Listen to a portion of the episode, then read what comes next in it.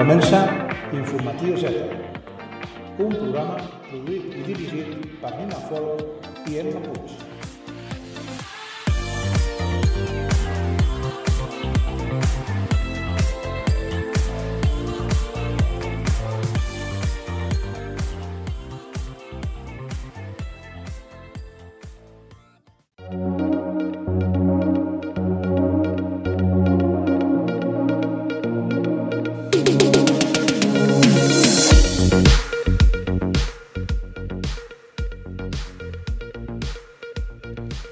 Molt bona tarda i benvinguts, benvingudes i benvingudis una setmana més a l'Informatiu Z, l'informatiu que tracta les mogudes de la generació Z.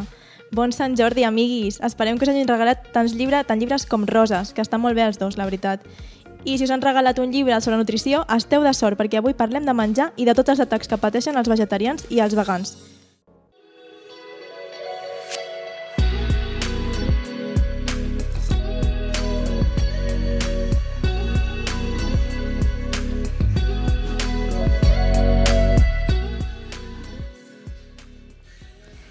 I comencem amb el reportatge d'avui. Com tots sabreu, una persona vegetariana és aquella que segueix un règim alimentari basat en l'abstinència del consum de carn i peix. Hi ha diversos tipus de vegetarianisme segons el nombre de restriccions. El grau més elevat és el veganisme, també anomenat vegetari vegetarià estricte, que exclou el consum de tots els productes d'origen animal i els seus derivats. Però també hi ha avivegetarianisme, que permet el consum de mel, el consum de mel o el lactovegetarianisme, que permet el consum de làctics, làctics entre d'altres. Vaya tia. Ja ves, és que aquestes paraules són supercomplicades. Pues sí. Però els inicis d'aquests aquest, corrents són molt més llunyans del que alguns es pensen. Els primers exemples coneguts de persones vegetarianes es troben al segle VI abans de Crist a civilitzacions de la Índia i Grècia. En aquests casos, l'abstinència de la carn estava relacionada amb postures pacífiques promogudes per grups religiosos i filòsofs. Després de la, de la cristianització de l'imperi romà, aquesta pràctica va desaparèixer d'Europa amb algunes excepcions i no va tornar fins al renaixentisme. Entre els segles XIX i XX van començar a néixer societats vegetarianes al Regne Unit, Alemanya, Holanda, etc. I arrel d'això va sorgir la Unió Vegetariana Internacional al 1906 i uns anys després, el 1944, es va fundar la primera societat vegana a Anglaterra. A Espanya no es va començar a parlar de moviments vegans fins al 1993, o sigui, mira la diferència. Mm. Que vergüenza. Bueno, de fet, la paraula veganisme no es va incorporar al diccionari de la RAE fins al 2014. Ellos, sempre primero. Fa dos dies, eh? D'això, pràcticament. Fa molt poc, realment. Bueno, tot i així, podem assegurar que a Espanya hi ha hagut un increment de la gent vegetariana i vegana en els últims anys. Segons l'informe The Green Revolution del 2019, elaborat per la consultora Lanten, el 9,9% dels espanyols són algun tipus de vegetarià. L'estudi indica que aproximadament hi ha 3 milions de flexitarians, que són vegetarians que esporàdicament consumeixen productes animals, a 576.000 vegetarians i 192.000 vegans. Poquets. Bueno, però són uns quants, subiendo, eh? està bé. Sí, eh? està bé, està bé. Aquest increment també es pot veure amb l'aparició de més productes i serveis dirigits a aquests consumidors. Per exemple, l'aplicació Happy Cow, que ajuda a trobar establiments que ofereixen aquestes dietes. I indica que mentre el 2011 a Espanya només hi havia 500, perdó, 353 locals, actualment hi ha 4.418 d'aquestes botigues o establiments. També s'ha de dir que no tots els establiments que ofereixen menjar apte per vegans o vegetarians estan apuntats a la web i que tant les botigues com la concentració de persones que s'apliquen a aquestes dietes acostumen a estar en les grans ciutats. Per tant, no hi ha un creixement equitatiu per tot Espanya. De totes maneres, segons l'informe de consum d'alimentació a Espanya del 2019, aquests últims anys hi ha hagut un descens de consum de carn i peix fresc i congelat. És a dir, que tot i que el 90% dels espanyols continua sense ser vegetarià o vegà, s'ha notat un descens general del consum de la carn i peix. Ui! Eh. I fent un petit incís al document, um, també explica que hi ha un, un augment del consum de productes preparats, el qual ens porta a mencionar un altre moviment alimentari anomenat real fooding. Aquest defensa la divulgació del menjar real i lluita contra els aliments ultraprocessats, amb l'objectiu de millorar la salut. Així que ja sabeu, els diumenges a cuinar i fer tàpers de tota la setmana, que com a casa a cap lloc. Molt. Això sí, no s'hi val explotar les iaies tots els dies, eh? Com, com ho recomana el influencer nutricionista C.R. Sí, hem decidit que ara em, copiem a Estirando el Chicle, Sí. un podcast que us recomanem un muntó, i quan haguem de dir noms i cicles i tot això, utilitzarem les Sigles. inicials I ja està. I ja està. per estalviar-nos problemes, Clar ja ves sí. tu. Però bueno. Bueno, i per celebrar el descens del consum de la carn, us deixem amb un temazo de 2010, de The Yankee, La despedida. Xau a la carn.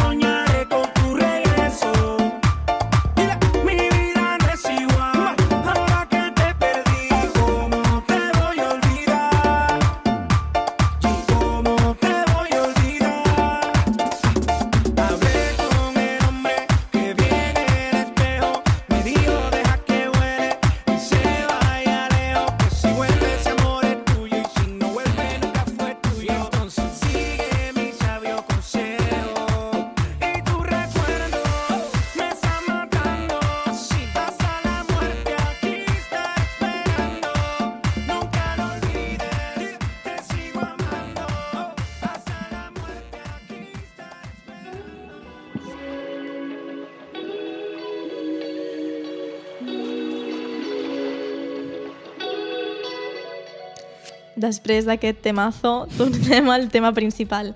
Us podeu preguntar quines són les raons per les quals la gent es torna vegetariana.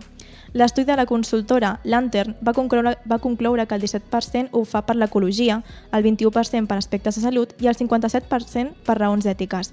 I és que tot i que molts boomers es pensen que és cosa de moda per quedar més guai a les xarxes socials o sentir-se moralment superior a la resta, aquestes dietes aporten molts beneficis i no deixen de ser una protesta cap a un mercat capitalista que explota els animals i el medi ambient per aconseguir un benefici econòmic. Pues eso. pues mira, és que està molt ben explicat. Jo és que eh, ho he de confessar, sí sóc vegetariana. Jo no. Jo he de confessar que vinc aquí a, A- a criticar? a parlar, però jo no sóc vegetariana. Jo menjo de tot. I Estic intentant reduir el consum de carn. Però bueno, que jo ja a casa el que mengem, o sigui, no mengem sobretot carn, mengem molta verdura Mm. i, i llegums i pasta. és que és el que s'ha de I- menjar, molt bé. Però bueno, sí que mengem carn i peix. I no, no sé jo si, aconsegui, o sigui, si arribaria a ser en algun moment vegetariana.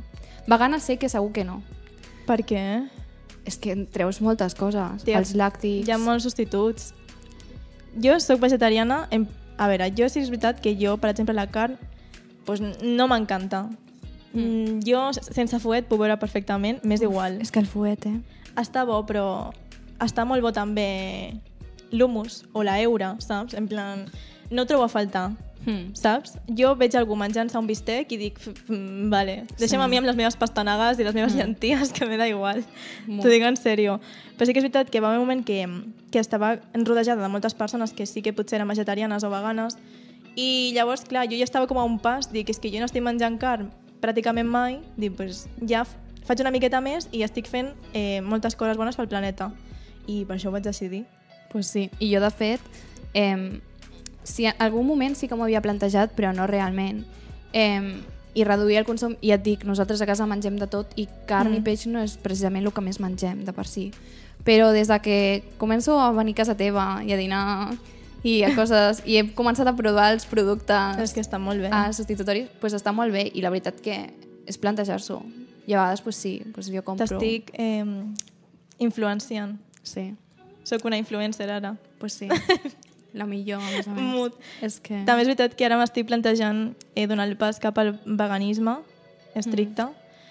Eh, però clar, eh, hi ha coses aquí que compartir nevera amb gent que no és ni vegetariana Sí. sí. ja es fa dur, perquè, per exemple, ho vaig comentar a casa meva i em van dir bueno, però això ja quan t'independitzis, perquè, clar, és que no, no sabria què cuinar-te. O sigui, que a mi realment ningú em cuina en el meu dia a dia. Ho Ja. faig jo tot. O sigui, que no hi hauria Mm. cap problema per aquesta part, però bueno, que a la gent se li fa una mica de bola, aquestes Sí. coses. Sí, jo també ho entenc. De fet, eh, bueno, hem fet unes enquestes um, per Instagram que gràcies a tots per contestar. És que que macos que sou. majos, pues sí. I per exemple- per exemple va respondre que sí que intentava ella reduir el consum de carn, el qual a mi em va fer molta gràcia perquè a casa es compra carn, o sigui, es La teva compra... mare ens està escoltant. No sé, però un saludo, t'estimo molt, però em fa molta gràcia. Eh, O sigui, és veritat que ella, per, per exemple, no li entusiasma tampoc la carn i no en menja molt. Mm. Què passa? Que el meu pare sí, i el meu pare no estaria disposat a deixar de menjar carn. I ma germana també, però ma germana és un cas a parte perquè està fent dieta ella una altra i, i menja sempre el mateix Mhm. i una de les coses és pavo cada dia. No menja res més de carn, menja pavo. Però pavo Bueno. cada dia, ja està. Jo vaig començar així el meu camí cap al vegetarianisme, no digo Sí. más. pues ja està. Qui sap? A veure. Em, però clar, i deia, no, si a mi no m'agrada molt la carn, jo la compro per vosaltres. I, bueno, doncs llavors no ho facis, perquè jo m'acabo menjant la carn a casa dies que igual no em ve de gust menjar carn, però perquè no es caduqui, perquè, a veure, la qüestió no és estar no està en comprar-la i després no menjar-te, està en que no la compris directament, Directament, saps? perquè no li, o sigui, igualment ja li estàs donant diners a Clar. les indústries càrniques, saps? Mm. Bueno, llavors estem en el proceso. Ara hem decidit que comprarem menys carn, Molt bé. El problema és que jo, faig, jo i ma mare fem el dinar a casa Mm. del meu pare i el meu pare menja carn també. I Mira, llavors s'ha de mirar a veure com es troba aquest equilibri del plan. jo cuino per tots Reduïm. i tots mengen carn, menys jo, i ningú es- em que, se'm queixa dient ah, és que no m'has ficat bacon. Pues fica-t'ho tu, jo no et faré bacon. Escúchame. Mot. No, no. No sé, a veure, ja informaré el proceso. Bueno, eh, i ara continuem. Com podem veure, els motius que porten eh, a canviar la teva dieta d'omnívora a vegana o vegetariana són diversos. Però en molts casos eh, l'alt grau de, contamina de contaminació que produeix la indústria càrnica és un factor determinant. La terra, l'aire i l'aigua són els components ambientals més afectats per la contaminació dels animals i la producció d'exclements. Com podeu veure, pues, quasi tota la natura és que... Tot. LOL. O sigui, falta el foc per completar les. Mo- és que tot mal. Modo. Però bueno, com diria Jack el Distripador, anem per parts. Vale, el problema amb l'aigua. Quin és el problema? Doncs per començar, en la quantitat destinada a la ramaderia. Segons experts, per produir un quilo de carn de boví es necessiten 5.400 litres d'aigua per part del blat i 100.000 litres d'aigua per part del fenc, que són els aliments que, que consumeixen ells, no? I això sense tenir en compte els 45 litres d'aigua que beu de mitja un boví de carn a diari o els 75 litres que beu una vaca lletera. D'aquesta manera, la ramaderia acaba representant el 29% de la petjada hídrica de tota la producció agrícola. A més, la majoria de la petjada hídrica total, un 98%, procedeix del cultiu d'aliments pels animals. O sigui, que ja sigui per alimentar els animals com per mantenir-los hidratats, la quantitat d'aigua destinada al sector ramader resulta desorbitada si tenim en compte que hi ha persones que no tenen un accés fàcil a l'aigua.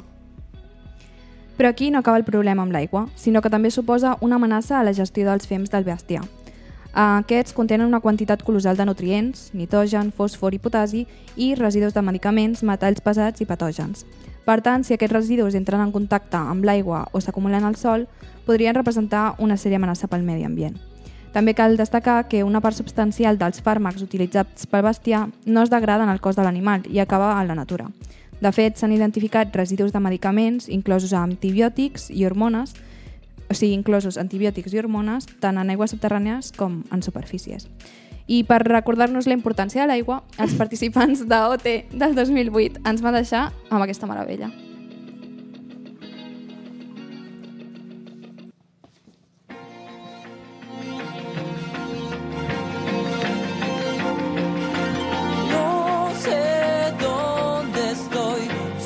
Que estoy en todas partes. No sé a dónde voy, mi corriente cambia cada instante. No, no me faltes nunca y antes que muera me sequía el corazón.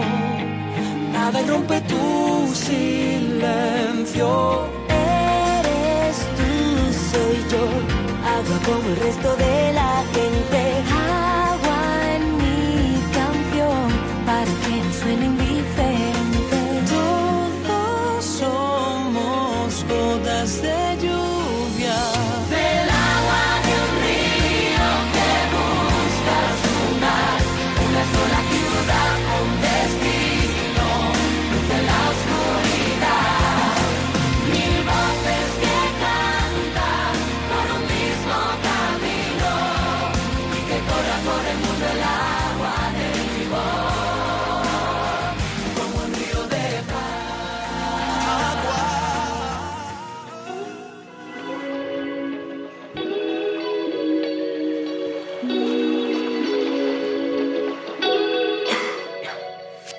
Recollim aquest moment Save the Children amb l'aigua. Yes.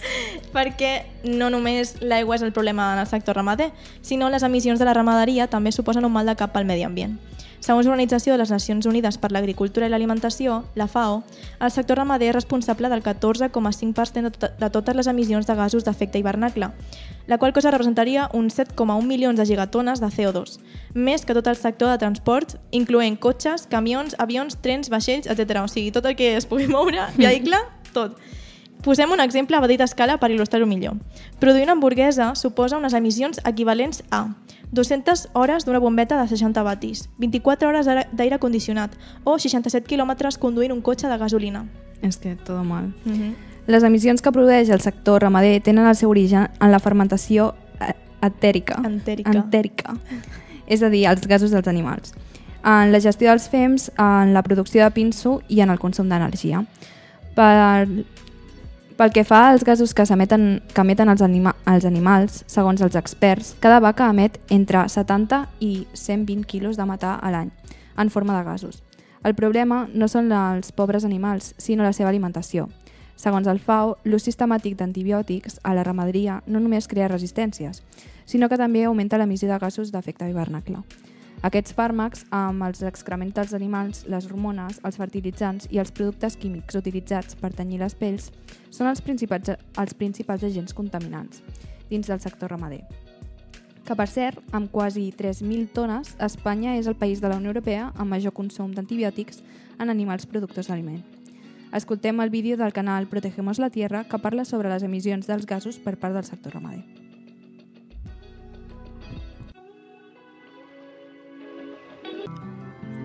Los seres humanos llevamos un estilo de vida que resulta insostenible para nuestro planeta. La manera que empresas producen los bienes y la población los consumimos tiene un tremendo impacto negativo en el medio ambiente. De continuar así, la ONU advierte que para el año 2050 el planeta se volverá inhabitable. Por ello, quiero presentarte a los tres sectores que más daño le causan al planeta Tierra. Sector agrícola. La alimentación es una de las necesidades más básicas del ser humano, sin duda alguna, pero la manera de producir nuestros alimentos le está pasando factura al medio ambiente, sobre todo con la ganadería. Te vas a sorprender de escuchar que criar ganado produce más gases de efecto invernadero que incluso conducir automóviles. Los desechos de los bovinos producen grandes cantidades de metano, que es 23 veces más contaminante que el dióxido de carbono.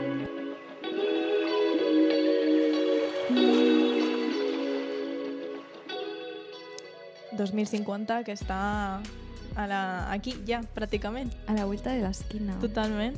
Molt preocupant això que acabem de sentir. Realment. Tot és, és com superapocalíptic tot, però bueno. Que encara hi ha més problemes, eh? De fet, la ramaderia té una relació directa amb la desforestació. Actualment el bestiar ocupa el 30% de la superfície total del planeta, que és un, un tros important, la veritat, però sembla que no és suficient per mantenir el consum de carn. Per aquest motiu es, talla, es talen milions, milions d'arbres amb l'objectiu de convertir boscos i selves en terres pel, pel bestiar. Un exemple molt heavy, molt fort, és el de la destrucció de la selva amazònica sota el govern de Bolsonaro a Brasil. Entre el 2019 i el 2020, el grau de desforestació ha augmentat en un 34,5% en el país brasiler. A més, Greenpeace calcula que el 80% de la destrucció de l'Amazones s'atribueix al sector ramader. Molt feo. Mm -hmm. Aquesta és una problemàtica que afecta principalment als països tropicals, on l'hàbitat natural és transformat, transformat en terreny agrícola per cultivar majoritàriament aliments pel bestiar. I la veritat és que la deforestació eh, porta moltes conseqüències. Algunes es veuen, com la pèrdua directa i considerable de la bio biodiversitat, i altres no, com l'alliberament de monòxid de carboni als incendis. El monòxid de carboni, a part d'empitjorar la qualitat de l'aire, és el responsable d'impedir el transport d'oxigen en el torrent sanguini, la qual cosa provoca que les cèl·lules no estiguin ben oxigenades. Aquest fet genera en el cos humà nàusees, increment de freqüència cardíaca, mal de cap i inclús la mort en els pitjors casos. Això sí, segons la NASA, aquest problema no afecta de manera tan dràstica en espais tan obert, més oberts. I com som unes petardes i no podem estar un programa sense la nostra amiga Nati Peluso... És que la nostra referència és... Ja ves. Us posem la cançó Delito, perquè és això el que és. Pues totalment.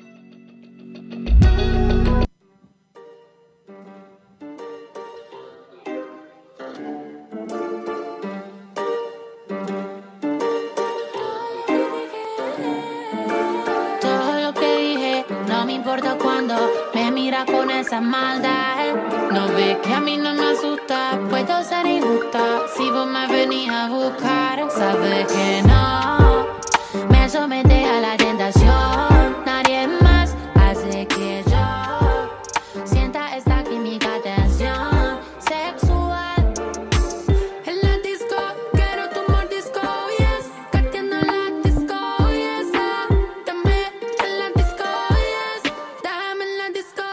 Yes. ah.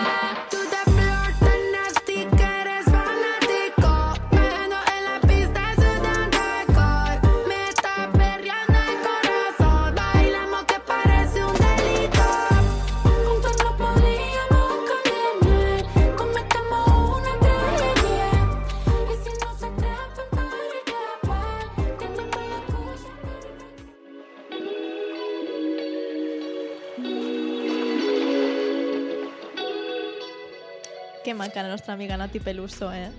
És la millor. I a més que el títol de la seva cançó defineix molt bé el que, el que estàvem comentant de la desforestació i Bolsonaro. És un delito. És totalment un delito. I a més, empitjora la qualitat um, de l'aire i a tu ja, ja t'ha afectat perquè no pares de tossir. Ja, jo, una loca. jo estic Safe Nina, si us plau. amb el coll fatal. Pot a l'aire, pot al medi ambient definir si farà calor o fred ja d'una vegada, perquè jo no puc continuar amb aquest temps així. Si us plau, ajudeu a la Nina. Sí. Medi ambient, ajuda-la. Però el medi ambient no és l'únic que pateix per culpa de la indústria càrnica, sinó que els principals afectats són els mateixos animals. A part de que es distribu... no para de tossir, no puede parar. Bolsonaro, què has fet? Perdó, però a part de que es destrueixen els seus hàbitats amb la deforestació, també s'acaba amb la vida d'una gran quantitat d'animals. Tot i que l'ús d'animals per fer productes alimentaris afecta moltes espècies diferents, els que més pateixen són els animals aquàtics. La sobrepesca i la pesca pirata estan arrasant amb els recursos pesquers. Tres quartes parts dels estocs de la pesca estan totalment explotats, sobreexplotats o esgotats directament. No obstant això, la demanda de productes pesquers segueix en augment i per aquest motiu cada vegada més s'opta per les piscifactories. En aquestes granges els animals suporten condicions terribles abans de ser matats de manera dolorosa. Escoltem les declaracions d'un grup d'activistes que entren a una granja de porcs, per això, eh, a Burgos, en les quals s'explica la situació dels animals.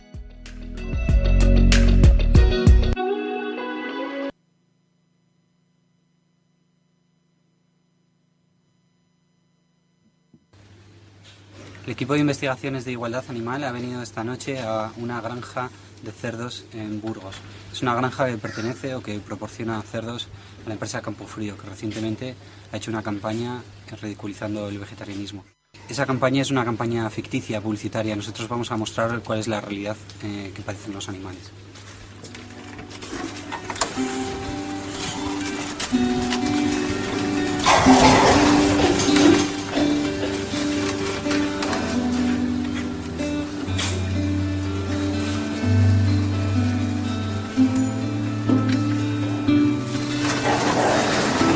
Esta nave varios miles de pequeños cerdos que han sido recientemente apartados de sus madres viven confinados, encerrados, privados de libertad, tras haber sido mutilados, tienen cortes en las orejas, les han cortado el rabo, les cortan los dientes y les arrancan los testículos, todo ello sin anestesia.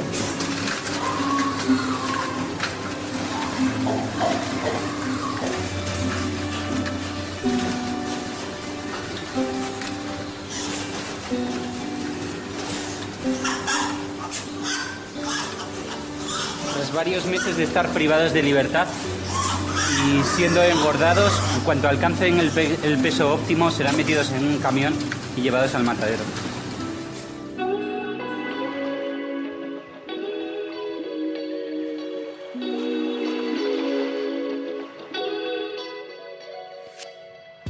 Bueno, aquest documental es va fer el 2008 Mm -hmm. eh, i la veritat és que si veus ja qualsevol cosa d'aquestes et treu una mica les ganes de... Ja. O sigui, aquest és un exemple de les coses, de les barbaritats que passen Mm. i que encara segueixen passant amb els animals avui dia. Sí, i bueno, fa poc, um, com hem dit en la notícia anterior, Mm. mm. va haver-hi tota la campanya per al laboratori de Vivo Vivotècnia que si ja et sembla malament que ho facin per alimentar, que ja està feo, Està molt que feo. t'ho facin per cosmètica, està encara pitjor. Bueno, jo crec que estaven molt llets en tots els en casos. tots els casos, Sí. però així com pots argumentar que menjar és necessari i hi ha, hi ha un sistema ja molt establert que s'hauria de canviar, mm. clarament, eh, o sigui, pots utilitzar un producte de bellesa que sigui cruelty free, m'entens? O sigui, pots estalviar-te'l. També pots no menjar carn. Fíjate. Ok, Sí, vale. d'això parlem avui, tia. Ja, sigui, bueno, és igual. Continuem. Els animals ter terrestres eh, no tenen millor vida. La, major, la majoria de les gallines i els pollastres criats pel consum de la seva carn o els seus ous acostumen a viure tancades en espais minúsculs. A més, els ramaders utilitzen la llum artificial per alterar els seus cicles bio biològics buscant la seva explotació sigui, o sigui, que la seva explotació sigui més rentable econòmicament. Això també els genera un gran estrès, la qual cosa els porta a comportaments com arrencar-se les plomes o a unes a altres o al canibalisme. Molt fort. Eh, en el cas dels mamífers, com els porcs que hem escoltat abans, les vaques, les cabres i les ovelles, les femelles són usades per la cria en molts casos en condicions lamentables. Els animals es veuen obligats a parir en espais molt petits en els quals no es poden moure perquè després els separin de les seves cries. Alguns d'aquests animals seran usats només per la seva carn, però n'hi ha d'altres que també seran explotats per la, seva, per la seva llet. Les vaques, igual que les ovelles i les cabres, són forçades a parir per tal de que puguin donar llet i quan la seva producció de llet disminueix, però encara són joves, són portades a l'escorxador. Segurament hi ha empreses que es dediquen a la producció de carn que tracten amb tot el tacte possible els animals, però ni tot el tacte del món podria fer d'aquestes experiències una cosa més agradable. A més, eh, aquest patiment animal moltes vegades resulta en va, ja que una gran quantitat d'aliments que, o sigui, que una gran quantitat d'aliments que es produeixen acaben a l'abocador. Segons la FAO, cada any eh, 1.300 milions de tones de menjar acaben a la brossa, un terç de la producció total. total. El 20% d'aquests aliments representen la quantitat de carn que llancem i el 35% la quantitat de peix que es queda desaprofitat. Perdó, però és que, és que flipant. És molt, o sigui, és, és que molta quantitat. Mm. De fet, eh, hi ha aplicacions per evitar que això passi, com el Too Good To Go, Mm. que vas a restaurants i et donen com les sobres o els productes que no aprofitaran. Mm. Són bones iniciatives. Les deixem aquí per qui les vulgui. Pues sí, però s'hauria de fer més. S'hauria de fer més, clar. O sigui, seria ja una cosa de la indústria i no, igual no tant de la gent. O sigui que sí, que la gent pot aportar, però igual, no sé, plantea-te Ja. no fer de més. Clar, els canvis haurien de produir a les indústries i, de fet, acabem llançant unes quantitats de carn tan altes que tot tenir un consum superelevat de carn encara ens acaba sobrant. El 2018 es van consumir en el món 330 milions de tones de carn. Els Estats Units és el país més carnívor de tot el món i Espanya és el segon país europeu i el 14 en consum de carn per persona a l'any en el món. Sí. És preocupant tenir en compte que hem dit que s'havia reduït el consum de Clar, carn. I tot i així, hi ha un consum bastant, bastant heavy de, de carn aquí. Mm. A veure, és que també tenim en compte que aquí la indústria del, del jamón Ja, i tot això pues, va estar molt popul- popularitzada. Sí, també que mm, jo crec, eh, per exemple, com vegetariana sí que veig que a l'hora de sortir a restaurants i tal, eh, la gent crec que no ha entès massa bé que la carn no té, i el peix no té per què ser el centre de, dels àpats. No, no ha calat. Pel que sigui, no ha calat aquest missatge, Mm. perquè puc menjar mm, coses comptades, realment. Sí. Igual, o perquè no és al centre, però quan no és al centre s'utilitza també com a condiment. Perquè moltes vegades, ara, sobretot des de que surto amb tu així, Mm. quan vaig a restaurants, miro a veure què podries menjar. Per Gràcies. Pues sí, perquè dic, a veure si algun dia sortim. I ho faig en sèrio. I, i jo, per exemple, m'agafo plats que ja de per si tenen verdura i això, i dic, ai, no, però que també porten tal cosa. Llavors ja no és vàlid. Bueno, igualment, busqueu-vos amics com la Nina, Yes. i com altres, com altres amics meus també, que també ho miren, que són maquíssims tots, Pues sí. i miren per la meva alimentació que pugui menjar de tot. Pues clar que sí, i a més a més, eh, es poden menjar moltes coses sense menjar carn. O sigui, hi ha plats de verdura molt bons, mm. hi ha Mm. plats de pasta molt bons que no tenen per què portar Totalment. carn. No sé. L'altre dia vam menjar un, ravio, un raviolis de, és veritat, de carbassa, de carbassa i no sé què. i, i ceba caramelitzada. Sí. Uah, que bons Boníssims. estaven, eh? Totalment. Pues sí. Pues No sé, també... a- ara sembla que estem fent campanya Go Vegan. De veritat que això jo no ho faig mai, realment, però... Jo no sóc vegan, o sigui, jo no estic fent campanya. Jo Tu no estic dient que jo reduiré el consum. Tu fes el Molt que bé. vulguis, realment. Exacte. Perquè... Però sí que és veritat que molta gent té com l'estereotip de els vegans o vegetarians eh, com imposant la seva manera de veure les coses, la seva dieta o el seu estil de vida a les altres persones, però realment jo mai li dic a ningú, mai qüestiono com menja les persones, en general, el resta de la gent, però tothom qüestiona com menjo jo. Mm. O sigui, això és així. I, Sí. i, I realment, després de tot el que acabem de, de veure, del maltracte animal, del cruelty free, de tot això, o sigui, no sé, potser hauries de qüestionar-te tu més la teva dieta abans de, de, de ficar-te la meva, digo jo. Sí, més que res perquè no hauria d'importar el que mengen els altres. O sigui... És que a mi m'és igual. pues això, que vull dir, és igual. I que igual et sents ofès o et sents atacat perquè t'estan ensenyant una realitat de com és la indústria càrnica i del peix en, en general Mm. i veus que igual no està tot bien, saps? Clar. Perquè després, a veure, eh, jo sóc partidària del plan de que hi hagi granges ecològiques, ¿vale? Què passa? Que és molt cara. Que d'això en parlarem més endavant. Però jo no sé, o sigui, a mi em semblaria bé menjar carn, o sigui, crec que és part del cicle de la vida menjar i ser menjat. Vull dir, vale? pots reduir clarament perquè et pots sentir millor, pues perquè jo veig un animal i penso, pues igual, com mi gatito, ¿no? Clar. Y dius, uy, pues, pues no, ja no me gusta tanto, saps? Mm. Però, però entenc que és això, és un cicle... Mm, acabarem morint tots, saps? Què passa? Que el, el matadero pues està una mica malament. Com a mínim donar un mínim de qualitat de vida, que és el que no s'està fent. I ara amb les granges de cria, que bàsicament creen animals per ser consumits i simplement es passen la vida patint simplement per ser consumits, Mm -hmm. aquí veig un clar problema. O sigui, no he, això ja no és lo natural del cicle de la vida i tot. És de... Clar, és que a més és es, feo. es fabrica, perquè al final es tracten com a productes, com a éssers inanimats, dels Mm. animals, eh, amb unes quantitats mm, super heavy, super elevades, i després perquè s'acabi llançant. O sigui, em, em sembla una falta de respecte cap, a, cap al medi ambient. Sí. La madre tierra està en plan, però què hace, chica? Sí. Bueno, jo ja t'he explicat que jo crec que s'hauria de comptabilitzar molt més. O sigui, que cadascú es faci un menú mensual previ, li passes a les indústries i que diguin, bueno, pues igual la gent només menja X menjant aquest, pues igual, en comptes de matar tantes persones, o sigui, ai, persones no. Ui, ui. animals, animals. Ui. Bueno, o lo que tu. Jo què sé, vete a saber. No, no estem donant suport al canibalisme en, cap, en cap manera. No, igual de matar tants animals, com a mínim mates els justos, saps? Ja. Que està... Però hi ha gent que diu, és que clar, és que uh, potser que és, que és més sa una, un enciam o una, no sé, un bistec. Es que no me vas a decir que un trozo de jamón no es más sano que una zanahoria, jo què sé. És que gent, de veritat, gent que, que posa comentaris a internet. No estic no, dient res, no, però poseu, la- no poseu. La meva cara. Vull dir, No, mm, que, mm. qüestionable. És que t'ho juro que hi ha gent... O sigui, jo, jo he llegit aquestes coses que és en plan... Xica, abans de- d'escriure alguna cosa, sisplau, pensa una mica primer, Mm. no? Sí. I després pues, ja no escriguis. No, no, no facis res. No, no et molestis. Per dir aquestes coses, millor no facis res. Mm. Realment. És que... He informat. O mira, nutricionista. Clar o que sigui, que sí. em diguis...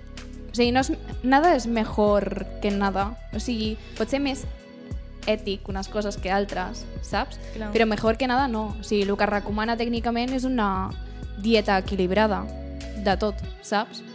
pues a partir d'aquí pues tu t'ho penses. I si vols alimentar-te només a pastanagues, pues ole tu, tindràs la vista superbé, vamos. Et faltaran un munt de nutrients Però, que els que no t'importin les pastanagues pues no els tindràs. però a qui li importa? A qui li importa si no és a ti? El metge de capçalera, potser, si li importa.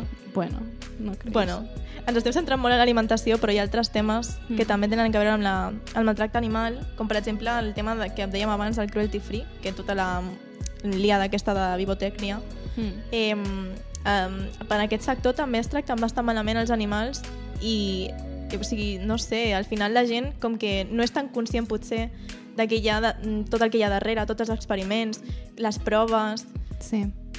no sé. Tu, I en el tu cas- ets conscient d'aquestes coses? O sigui, jo igual ets conscient però no hi penses, saps? i menys quan vas a menjar o alguna No estàs pensant en tot el procés que hi ha darrere del que et menges, Mm. saps? Igual per això... Igual seria necessari que tots siguem una mica més conscients i pensem una mica més Jo crec que sí. tot el que implica. Però... Perquè amb algú tan senzill com... O sigui, um, avui dia hi ha, hi ha marques que són cruelty free Mm. i, de fet, si no sabeu distingir-les, tot i que hem dit que porten el, el conillet, eh, hi, ha, hi ha pàgines, hi ha perfils d'Instagram, com per exemple el Jardín de Asami, que Mm. mm. et diuen, pues, per exemple, L'Oreal no és cruelty free, no, no ho és, però, per exemple, jo que sé, Garnier ara sí que és cruelty free, Mm. doncs et posen mm, totes les marques de, per exemple, maquillatge, que sí que ho són, de xampús, de condicionadors, tal, i també et posen els equivalents de cruelty free i no cruelty free, Mm. que està molt bé, per Pues si sí, voleu aquesta està- informació. pues sí, perquè podem triar Clar. entre no crueltat o crueltat. I que les que són cruelty free no són marques super rares que no trobaràs enlloc. Ja tens, No, no. ja tens Garnier, que està Sí. pràcticament a, a tot arreu. El Lash, el Lash és, El Lash. el cruelty free i és una meravella, o sigui, les bad bombs, vamos. Totalment. Pues sí. Però bueno, a tenir en compte, tu fes el que puguis, perquè també mm, té les seves coses, però adelante, que siguis conscient de tot el que hi ha al darrere. I, bueno, ara us deixem amb una cançó molt top d'uns youtubers Està molt bé, sí. eh, que es diuen Jonathan Mann i Ivory King, on eh, parlen, o sigui, refuten mites vegans. Sí. És una meravella, no l'he pogut tallar.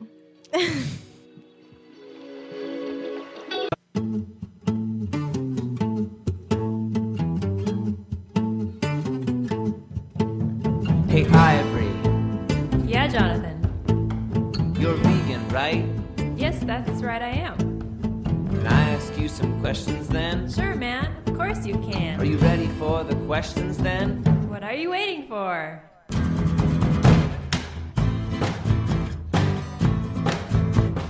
Where do you get your protein? Protein, protein. Only meat has protein, so where do you get your protein? Actually, lots of things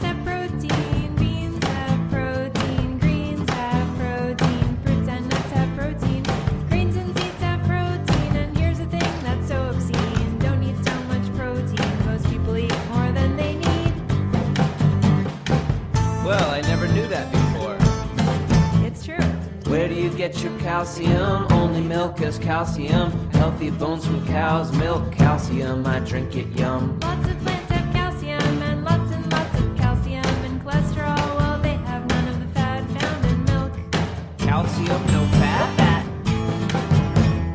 Greens give me calcium? Lots of calcium. What about our ancestors? Didn't they eat meat? If I wasn't supposed to eat it, then why do I have these teeth? look like a carnivore, all sharp and pointed.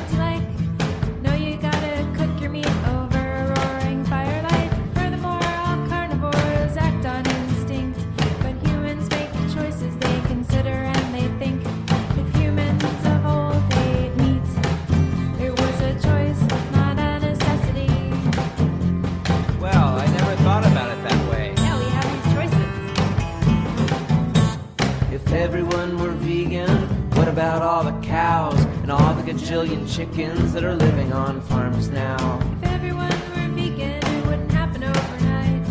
Demand would just decline, and so would the supply.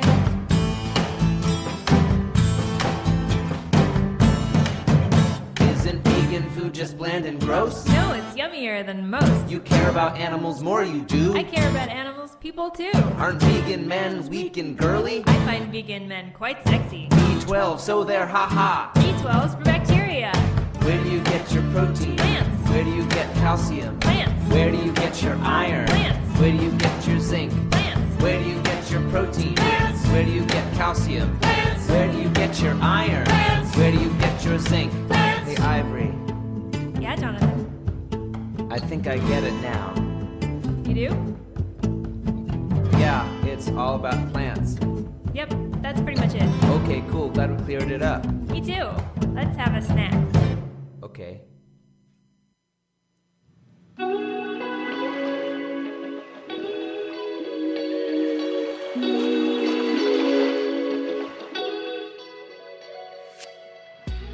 Plants. It's all about plants. És que totalment. És una meravella. I de fet, mm, la cançó l'hem escollit perquè representa molt dels comentaris que hem sentit que us han dit i li han dit a la Emma, per exemple. Sí, tots. Però això parlarem una mica més endavant. Sí.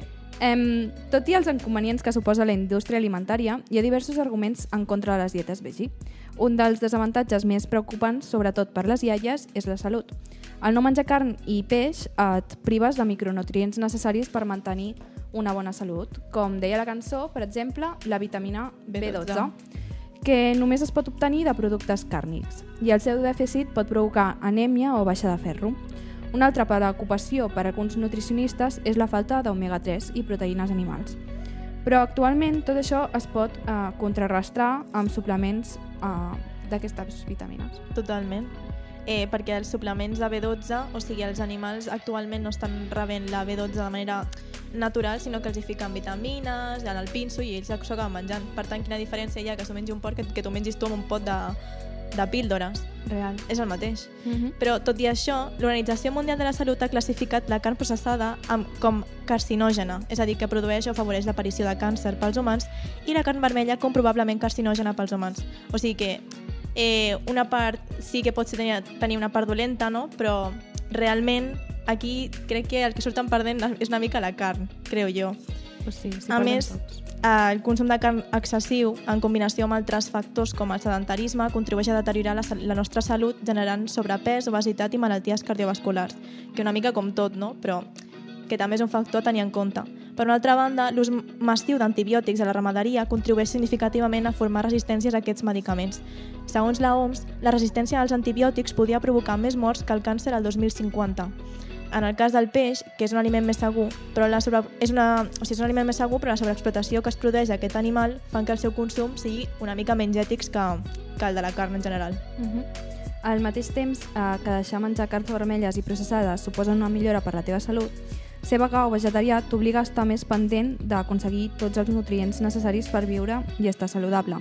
D'aquesta manera ets molt més conscient del que consumeixes en cada moment i el que necessites per viure tranquil·let i com un roure. Pues sí. Hi ha estudis que asseguren que la prote- proteïna vegetal és més saludable que la de procedència animal. Les raons són múltiples, però en general la proteïna vegetal acostuma a acompanyar- a acompanyar-se de, acompanyar-se, perdó, de més nutrients i de més fibra, tot i que no acostumen a tenir tots els aminoàcids essencials. En aquests casos el que es pot fer és combinar proteïnes vegetals eh, de diferents orígens. És que realment és això, o sigui, els cigrons són molt importants, si us esteu plantejant ser vegetarians o vegans, mengeu molts cigrons, són molt importants, i llenties. El hummus. Eh, L'humus està molt bo, però cigrons en estat natural també està molt bé. De totes formes. De totes formes. O sigui, la clau, com en tot el tipus, tots els tipus de dietes, és l'equilibri. O sigui, no crec que estiguem aquí descobrint res No, no. res super, eh, super estrany realment. Eh, el que acostuma a passar amb el tema de la salut és que quan et fas vegetarià, com no t'han ensenyat a tenir una dieta basada sobretot en, mm, anava a dir plantes, com la cançó Plants, en verdures, eh, el que passa és que abuses massa del formatge, potser, això ens ha passat a tots, eh, mm, tot en formatge, tot en formatge, o amb salsa de tomàquet o el que sigui, i al final no estàs fent bé, o sigui, al final estàs menjant coses que no són porten, tan sanes. clar, porten molt greix, el que sigui. Llavors, a mesura que vas com agafant el truquillo, pues, Mm. ja saps que barrejar, trobes eh, substitutoris a la carn, com per exemple la eura, hamburgueses de- d'esvergínia, o sigui, hi ha molta quantitat de coses que pots utilitzar. Eh, des d'aquí us podem recomanar diverses marques com de, Vege- de Vegetarian Butcher o Eura, la marca Eura, boníssims, de veritat. Pues sí, i les hamburgueses de... Del Mercadona. Sí. Que estan una mica pitjor, però està, estan bé. Estan molt bones, la veritat. Estan bones, sigui- estan bones. Eh, també una altra cosa de la salut, eh, sobre la falta de nutrients i tot això, eh, jo tinc una dieta equilibrada i tot i així em falten nutrients i hi ha hagut estius que m'he desmaiat a la gasolinera. Vull dir, que no és cosa també només de ser vegetarià, que et poden Clar. faltar nutrients en una dieta normal. Clar. O pot ser que el teu cos no sigui capaç de processar-ho també. O sigui que menjar um, de, fol o sigui, um, de forma alternativa utilitzant uh, vitamines o prenent vitamines no és una cosa que només s'hagi de fer sent vegetarià, és si et falten en general, no és tan um, raro. Clar, totalment. O sigui, però jo crec que al final les, les vitamines haurien de ser com l'últim recurs.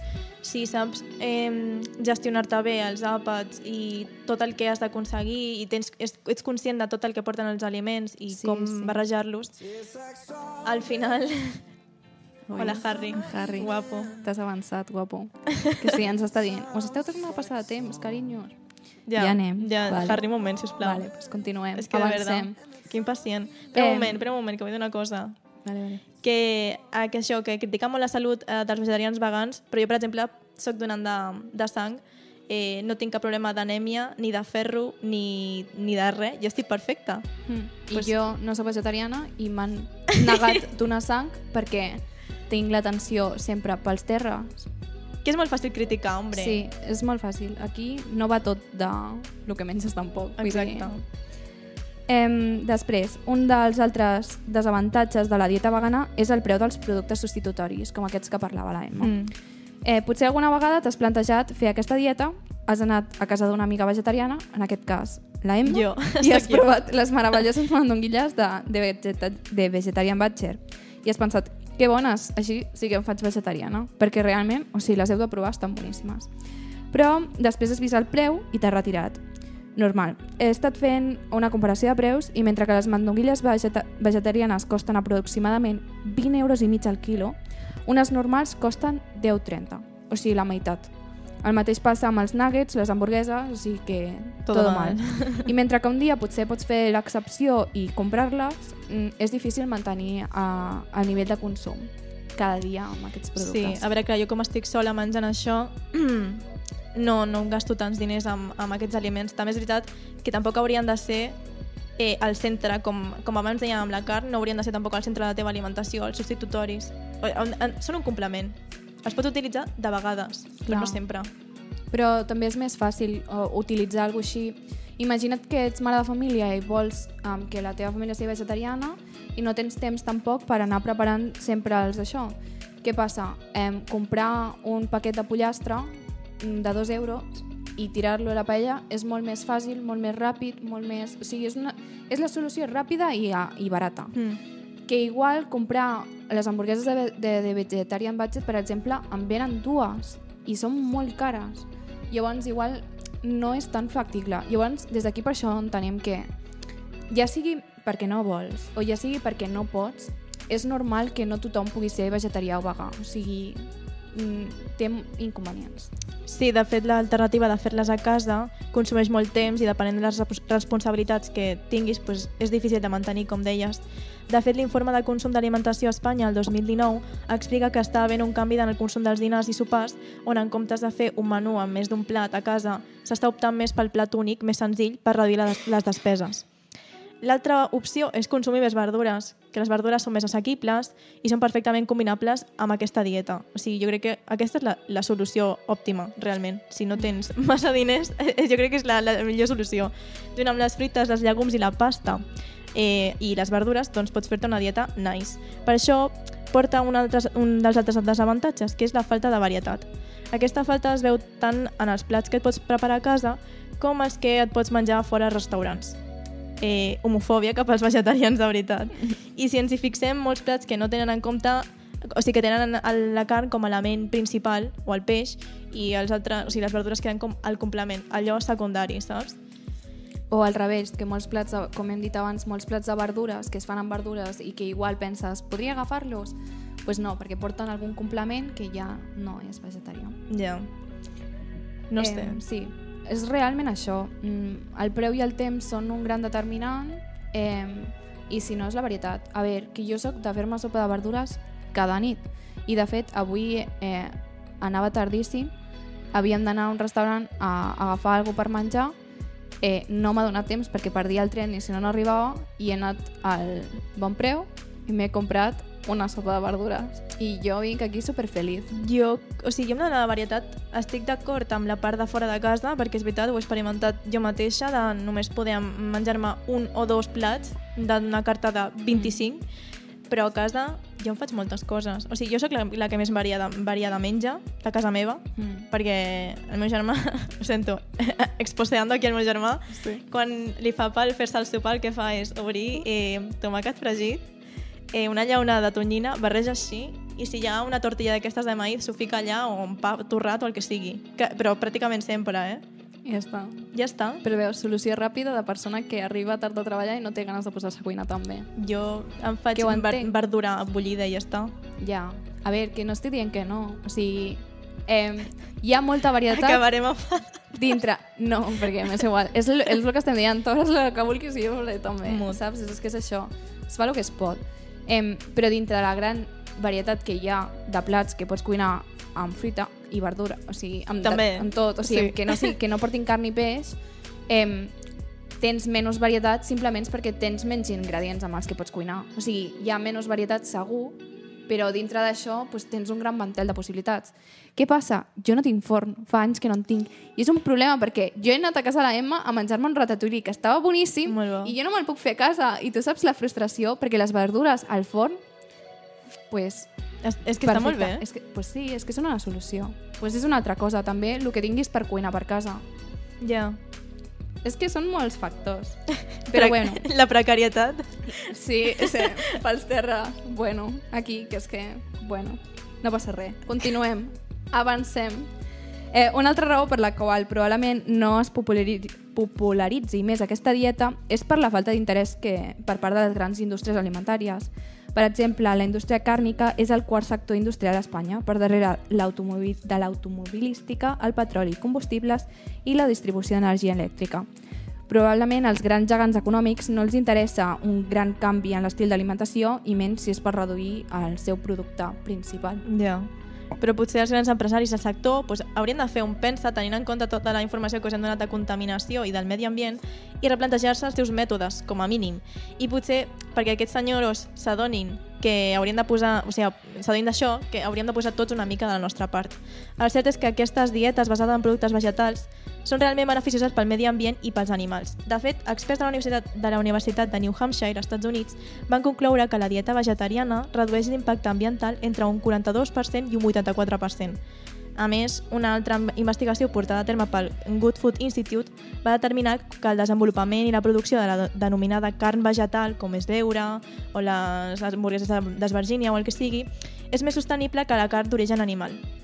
La investigació assegura que s'estalvien recursos, contaminen molt menys, alliberen molts menys gasos d'efecte hivernacle, es limiten problemes com la resistència als antibiòtics, etc. I, evidentment, amb aquest tipus de dietes i aliments també ens deslliurem de les males condicions i el patiment que, que viuen alguns animals. Pues sí, és que realment jo crec que el vegetarianisme i el veganisme són un bon sistema per protestar contra aquestes indústries, perquè no creguem, o sigui, jo no crec que les persones que porten la indústria no sàpiguen realment tot el que produeixen i tot el que Home. aporten. Però és cosa del poble mm, a demanar que això es canvi. Reclamar, sí. Reclamar i protestar, Protestar. com, com sempre. Sí, o sigui, com a acte social i polític està molt bé, però hi ha molta gent que es pensa que ser vegetarià o vegà és per dieta o per ser més saludable. Mm. Que, és que m'he trobat en el cas, el, el meu, o sigui, sento Isaac, avui... Avui a la família seràs se li estan estaràs aquí expuesto. todo mal. Eh, per exemple, un dia em va dir eh, Emma, què faig per dinar? Que vull menjar algo sa. Mm, com ets vegetariana, pues, mm, que jo sàpiga, els dos hem anat al mateix col·le, eh, hem fet els dos la, la piràmide aquesta alimentària, eh, Sí. en teoria els dos sabem com s'ha de menjar correctament. Sí. I, a veure, que la verdura està bé, però no totes les formes de verdura són mm, sanes. O Home, sigui, clar. un buen pisto Uf, que bo. està boníssim, però no et fotis pisto cada dia perquè acabaràs... A Bueno, veure, potser no, no, no, és, no és bona idea, pel que No sigui. idea. No. També, no només a persones concretes, sinó hi ha cadenes de restaurants, com una que comença per B baixa, B punto. B punto, B baixa punt, eh, que també va, va iniciar una campanya de productes vegetarians i vegans, però l'eslògan anava com dient que era més saludable, més sa per la dieta, més fitness. Mira, escolta'm una cosa, si tinc pinta de ser fitness jo, és la meva pregunta. Gràcies. O sigui, que pot ser vegetarià i vegà i voler menjar Clar que sí. plan. Gelats de- del, del... Com es diu això? Ben Jerry's, Sí. Oh, està bon. vegans. N'hi ha. I hi ha pastisseries veganes. I un pastís vegà de xocolata i plàtan eh, no crec jo que sigui eh, el que més hagis de consumir a la teva vida. Pues clar que no. Per tenir una dieta equilibrada, almenys. Mm. No, tot s'ha de consumir amb, amb mesura. Clar, amb equilibri, és que és això, l'equilibri. Eh, I hi ha molta gent que se li fa una mica de bola el tema de l'equilibri, sobretot la proteïna, quan no menges eh, animals. Perquè una pregunta, de veritat, a la cançó ho escoltàvem, d'on obtens la proteïna? És que és la pregunta, de veritat, si m'haguessin pagat cada vegada que vam d'aquesta puta pregunta, de veritat, seria milionària. Eh, pues de les verdures, amics, amics i amigues, crec de les sí. verdures, dels llegums, els ous, perquè també en menjo. No, no m'estic morint, estic bé, de veritat. I si m'ho diuen senyoros que esmorzen amb torreznos, de veritat, que, de veritat, no parleu. Aquests senyors que no parlin. No em poden criticar com menjo jo. Pues crec que no. A veure, que cadascú sap el que ha de menjar. I si no ho saps, o sigui, eh, mentida, retiro lo dicho. No tothom sap el que d'esto, però és cosa teva, saps? O sigui, tampoc no, no vagis criticar. I dir-ho una vegada, però si se t'explica que el que estàs menjant estàs bé Mm. i ja està, pues, llavors no insisteixis. No, la Em, gent té la concepció de la carn com algo superimportant. Sí, eh, alguns comentaris dels que ens heu dit per Instagram, per exemple, era el plan... Mm, com digue'ls tu, que te'ls saps millor perquè te'ls han dit a tu també. És que anàvem llegint i la Emma... Sí, ja ho han dit. Sí, no, això Sí. també, això també. És que de veritat... O sigui, per exemple, eh, quan estàs sobretot en, en sopars de Nadal o familiars, que normalment pues, són plats de carn o de peix, o els dos combinats, Mm. eh, sempre hi ha algú super simpàtic que et diu come jamón, que esto no es carne, come pescado, que es pescado ga- vegano. Però a veure, tu ets tonto? O sigui, jo, jo et dic, come, cómete mi hummus, que eh, lleva, lleva trozos de bacon. No, no, és que de verdad. me la suda, o sigui, deixa'm en pau. De fet, un de, una de les persones ens deia que eh, la seva família li intentava amagar carn, o sigui, no Sí. l'avisava de que portava carn al Sí. menjar i li colava. Per què fas això? Això, O sigui, com ets tan... A mi no m'ho han per fet. darrere. O sigui, sí, la meva àvia m'ho ha fet. Ho sento, ja, ja. Eh, m'ho ha fet, però sense voler. Clar. I és la primera en dir-me, ai, te hago una tortilla, lo que quieras. Molt maja. Però sí que és veritat que hi ha persones, com ese punto, Que ho fan amb tota la intenció. que ho fan amb malícia. En plan, no perquè vul- vulguin que jo mengi carn o tinguin una obsessió que jo mengi carn o peix, però sí, és veritat, perquè no... Per portar la contrària. Per portar la contrària, perquè no pensen en que hi ha persones que no mengen igual que ells. No sé, és que hi ha arguments, de veritat, que són horribles. I he rebut tants comentaris de merda com... Un, jo he de dir un. Un que jo abans deia. Per favor, no. O sigui, abans... Estic parlant de fa molt de temps, vale? no me juzgues, que per aquestes coses també estem fent aquests reportatges perquè la gent sigui més conscient. Lo de... Però les plantes... Jo no deia, però les plantes també tienen sentimientos, que és el que ens han dit, vale? però dic, però les plantes també pateixen, o sigui, no pots deixar de menjar eh, carn i peix i ja està, i ara posar-te a consumir tota la verdura a lo bèstia i llavors que s'exploti tot el sentit de la verdura. Mm. A veure, perquè també és veritat que la indústria alimentària també tira molta verdura i també s'han cremat conreus quan no de sé què. O sigui, Ja. que la indústria alimentària en general té coses molt fees, Mhm. saps? Però bueno, lo de les plantes que tenen sentimientos Això també m'ho han dit. no, pat o sigui, no és el mateix nivell de patiment. O sigui, sí que estàs matant un ser viu per menjar-te, has de menjar alguna cosa, eh, no l'estan tancant en gàbies, patint, tirant-li a, com en el laboratori de bibliotècnia, que a més a més insultaven els animals. És que Mm. que feo, si heu vist el vídeo. Jo no l'he pogut posar perquè jo, me- jo l'he mirat al principi, no l'he pogut acabar i m'he posat a plorar. Jo no, jo no, jo no el veuré. Ho sento. No, és que no. No estic capacitada per veure aquest vídeo. Està Eh, molt feo. No és el mateix, clarament. Això del sentiment de les plantes, o sigui, a mi em donen ganes de quan m'ho diuen dir mm, les plantes efectivament tenen sentiments i tenen més sentiments que tu. Sobretot més comprensió, segur. Segur que em poso a parlar amb un ficus, m'entén millor que tu. És que, de veritat, és que estic visualitzant eh, a, a persones i de veritat que m'estic enfadant un muntó. És que, de veritat, la gent pot ficar-se amb lo seu i deixar-los a més en pau? Sí. A més a més, que per una per, o sigui, el 10% només hem dit a Espanya és vegetarià. Mm.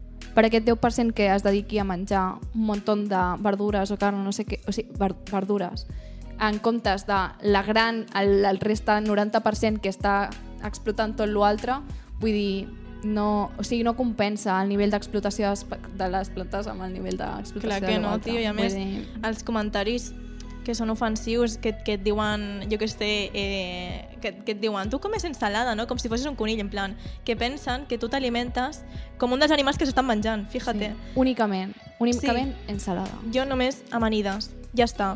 I de fet és un dels problemes dels restaurants que moltes vegades l'única opció és menjar una amanida. I tot i així no totes les amanides, perquè la César, per exemple, porta Clar. pollastre. Sí, sí, molta, molta, la majoria de amanides porten o peix o carn, o sigui, no me les puc menjar. És que... És que de veritat, ja està. Es- Stop atacs als vegetarians i als vegans. Si us plau, us ho demano. Necessitem menjar. Encara que, que no us agradi, necessitem menjar alguna cosa. Però és clar que sí. Mengeu, mengeu el que vulgueu. Vale? I teniu en compte tot el que s'ha fet perquè aconseguim el menjar. Mm. Sent això, sent conscient dels que es fa, doncs aquí feu la, trieu la vostra decisió. Clar. I ja està. Si podeu reduir el consum d'animals i carns i esteu disposats a fer-ho, doncs pues molt bé, endavant. És que, no sé, també un altre argument que sentíem amb la cançó era um, que els nostres avantpassats s'alimentaven de carn i per això vam evolucionar i no sé què. I és com, bueno, ja està l'historiador, perquè un fenomen molt interessant que passa quan et fas vegetarià o vegà és que la gent del teu voltant es, eh, es converteixen simultàniament en nutricionistes, historiadors de l'alimentació, Uh -huh. i tots saben com t'has d'alimentar perfectament, millor que tu, eh?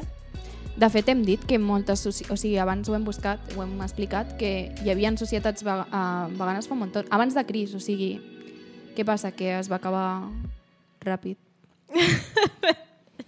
Quan passen coses que invadeixen Sí. altres coses, pues s'acaben amb els costums Que feo. i, i així seguimos. Pues sí. I aquestes coses eh, que, que hem estat comentant ara no és que ho, ens ho estem inventant nosaltres, sinó que les persones que han participat a les nostres enquestes ens han, ens han dit que també han patit aquestes coses, aquests atacs. Sí. Bueno, Jo no, estem que- dient atacs, però Sí. que és per el drama. Però... I estem dient nosaltres, però jo repeteixo, o sigui... Bueno, jo, jo no. Jo tinc dir clos. Que volem dir que, a veure, que encara que no, que no us sembli, no us estem adoctrinant. De veritat que no. Jo, per exemple, no soc vegetariana, jo miro de reduir el consum i punto, i tot i així, últimament estic portant un control de lo que és menja a casa i de la carn que mengem i mengem més de la que me n'adono pel fet de que està de complemento, saps? Mm. No només està com a plat principal. Però bueno, feu el, el que considereu. Però que sapigueu que l'opció de ser vegetarià o vegà és una opció molt maca, super respectuosa, tant planeta com, pa, com pel, tant pel planeta, és que no sé parlar, madre mia, com pels animals i com per la nostra salut. Si creu que, que no pots viure sense el fuet, doncs sempre tens l'opció de reduir el consum de carn i peix tranquil·lament. El que sí que podem menjar i us recomanem que us porteu a la boca és una bona watermelon, com ho fa el bo del Harry Styles. Fins aquí el programa d'avui. Ciao, amiguis, i molt bona tarda. Tastes like strawberries on a summer evening, and it sounds just like a song. I want more berries and that summer feeling. It's so wonderful and warm. Breathe me in, breathe me out. I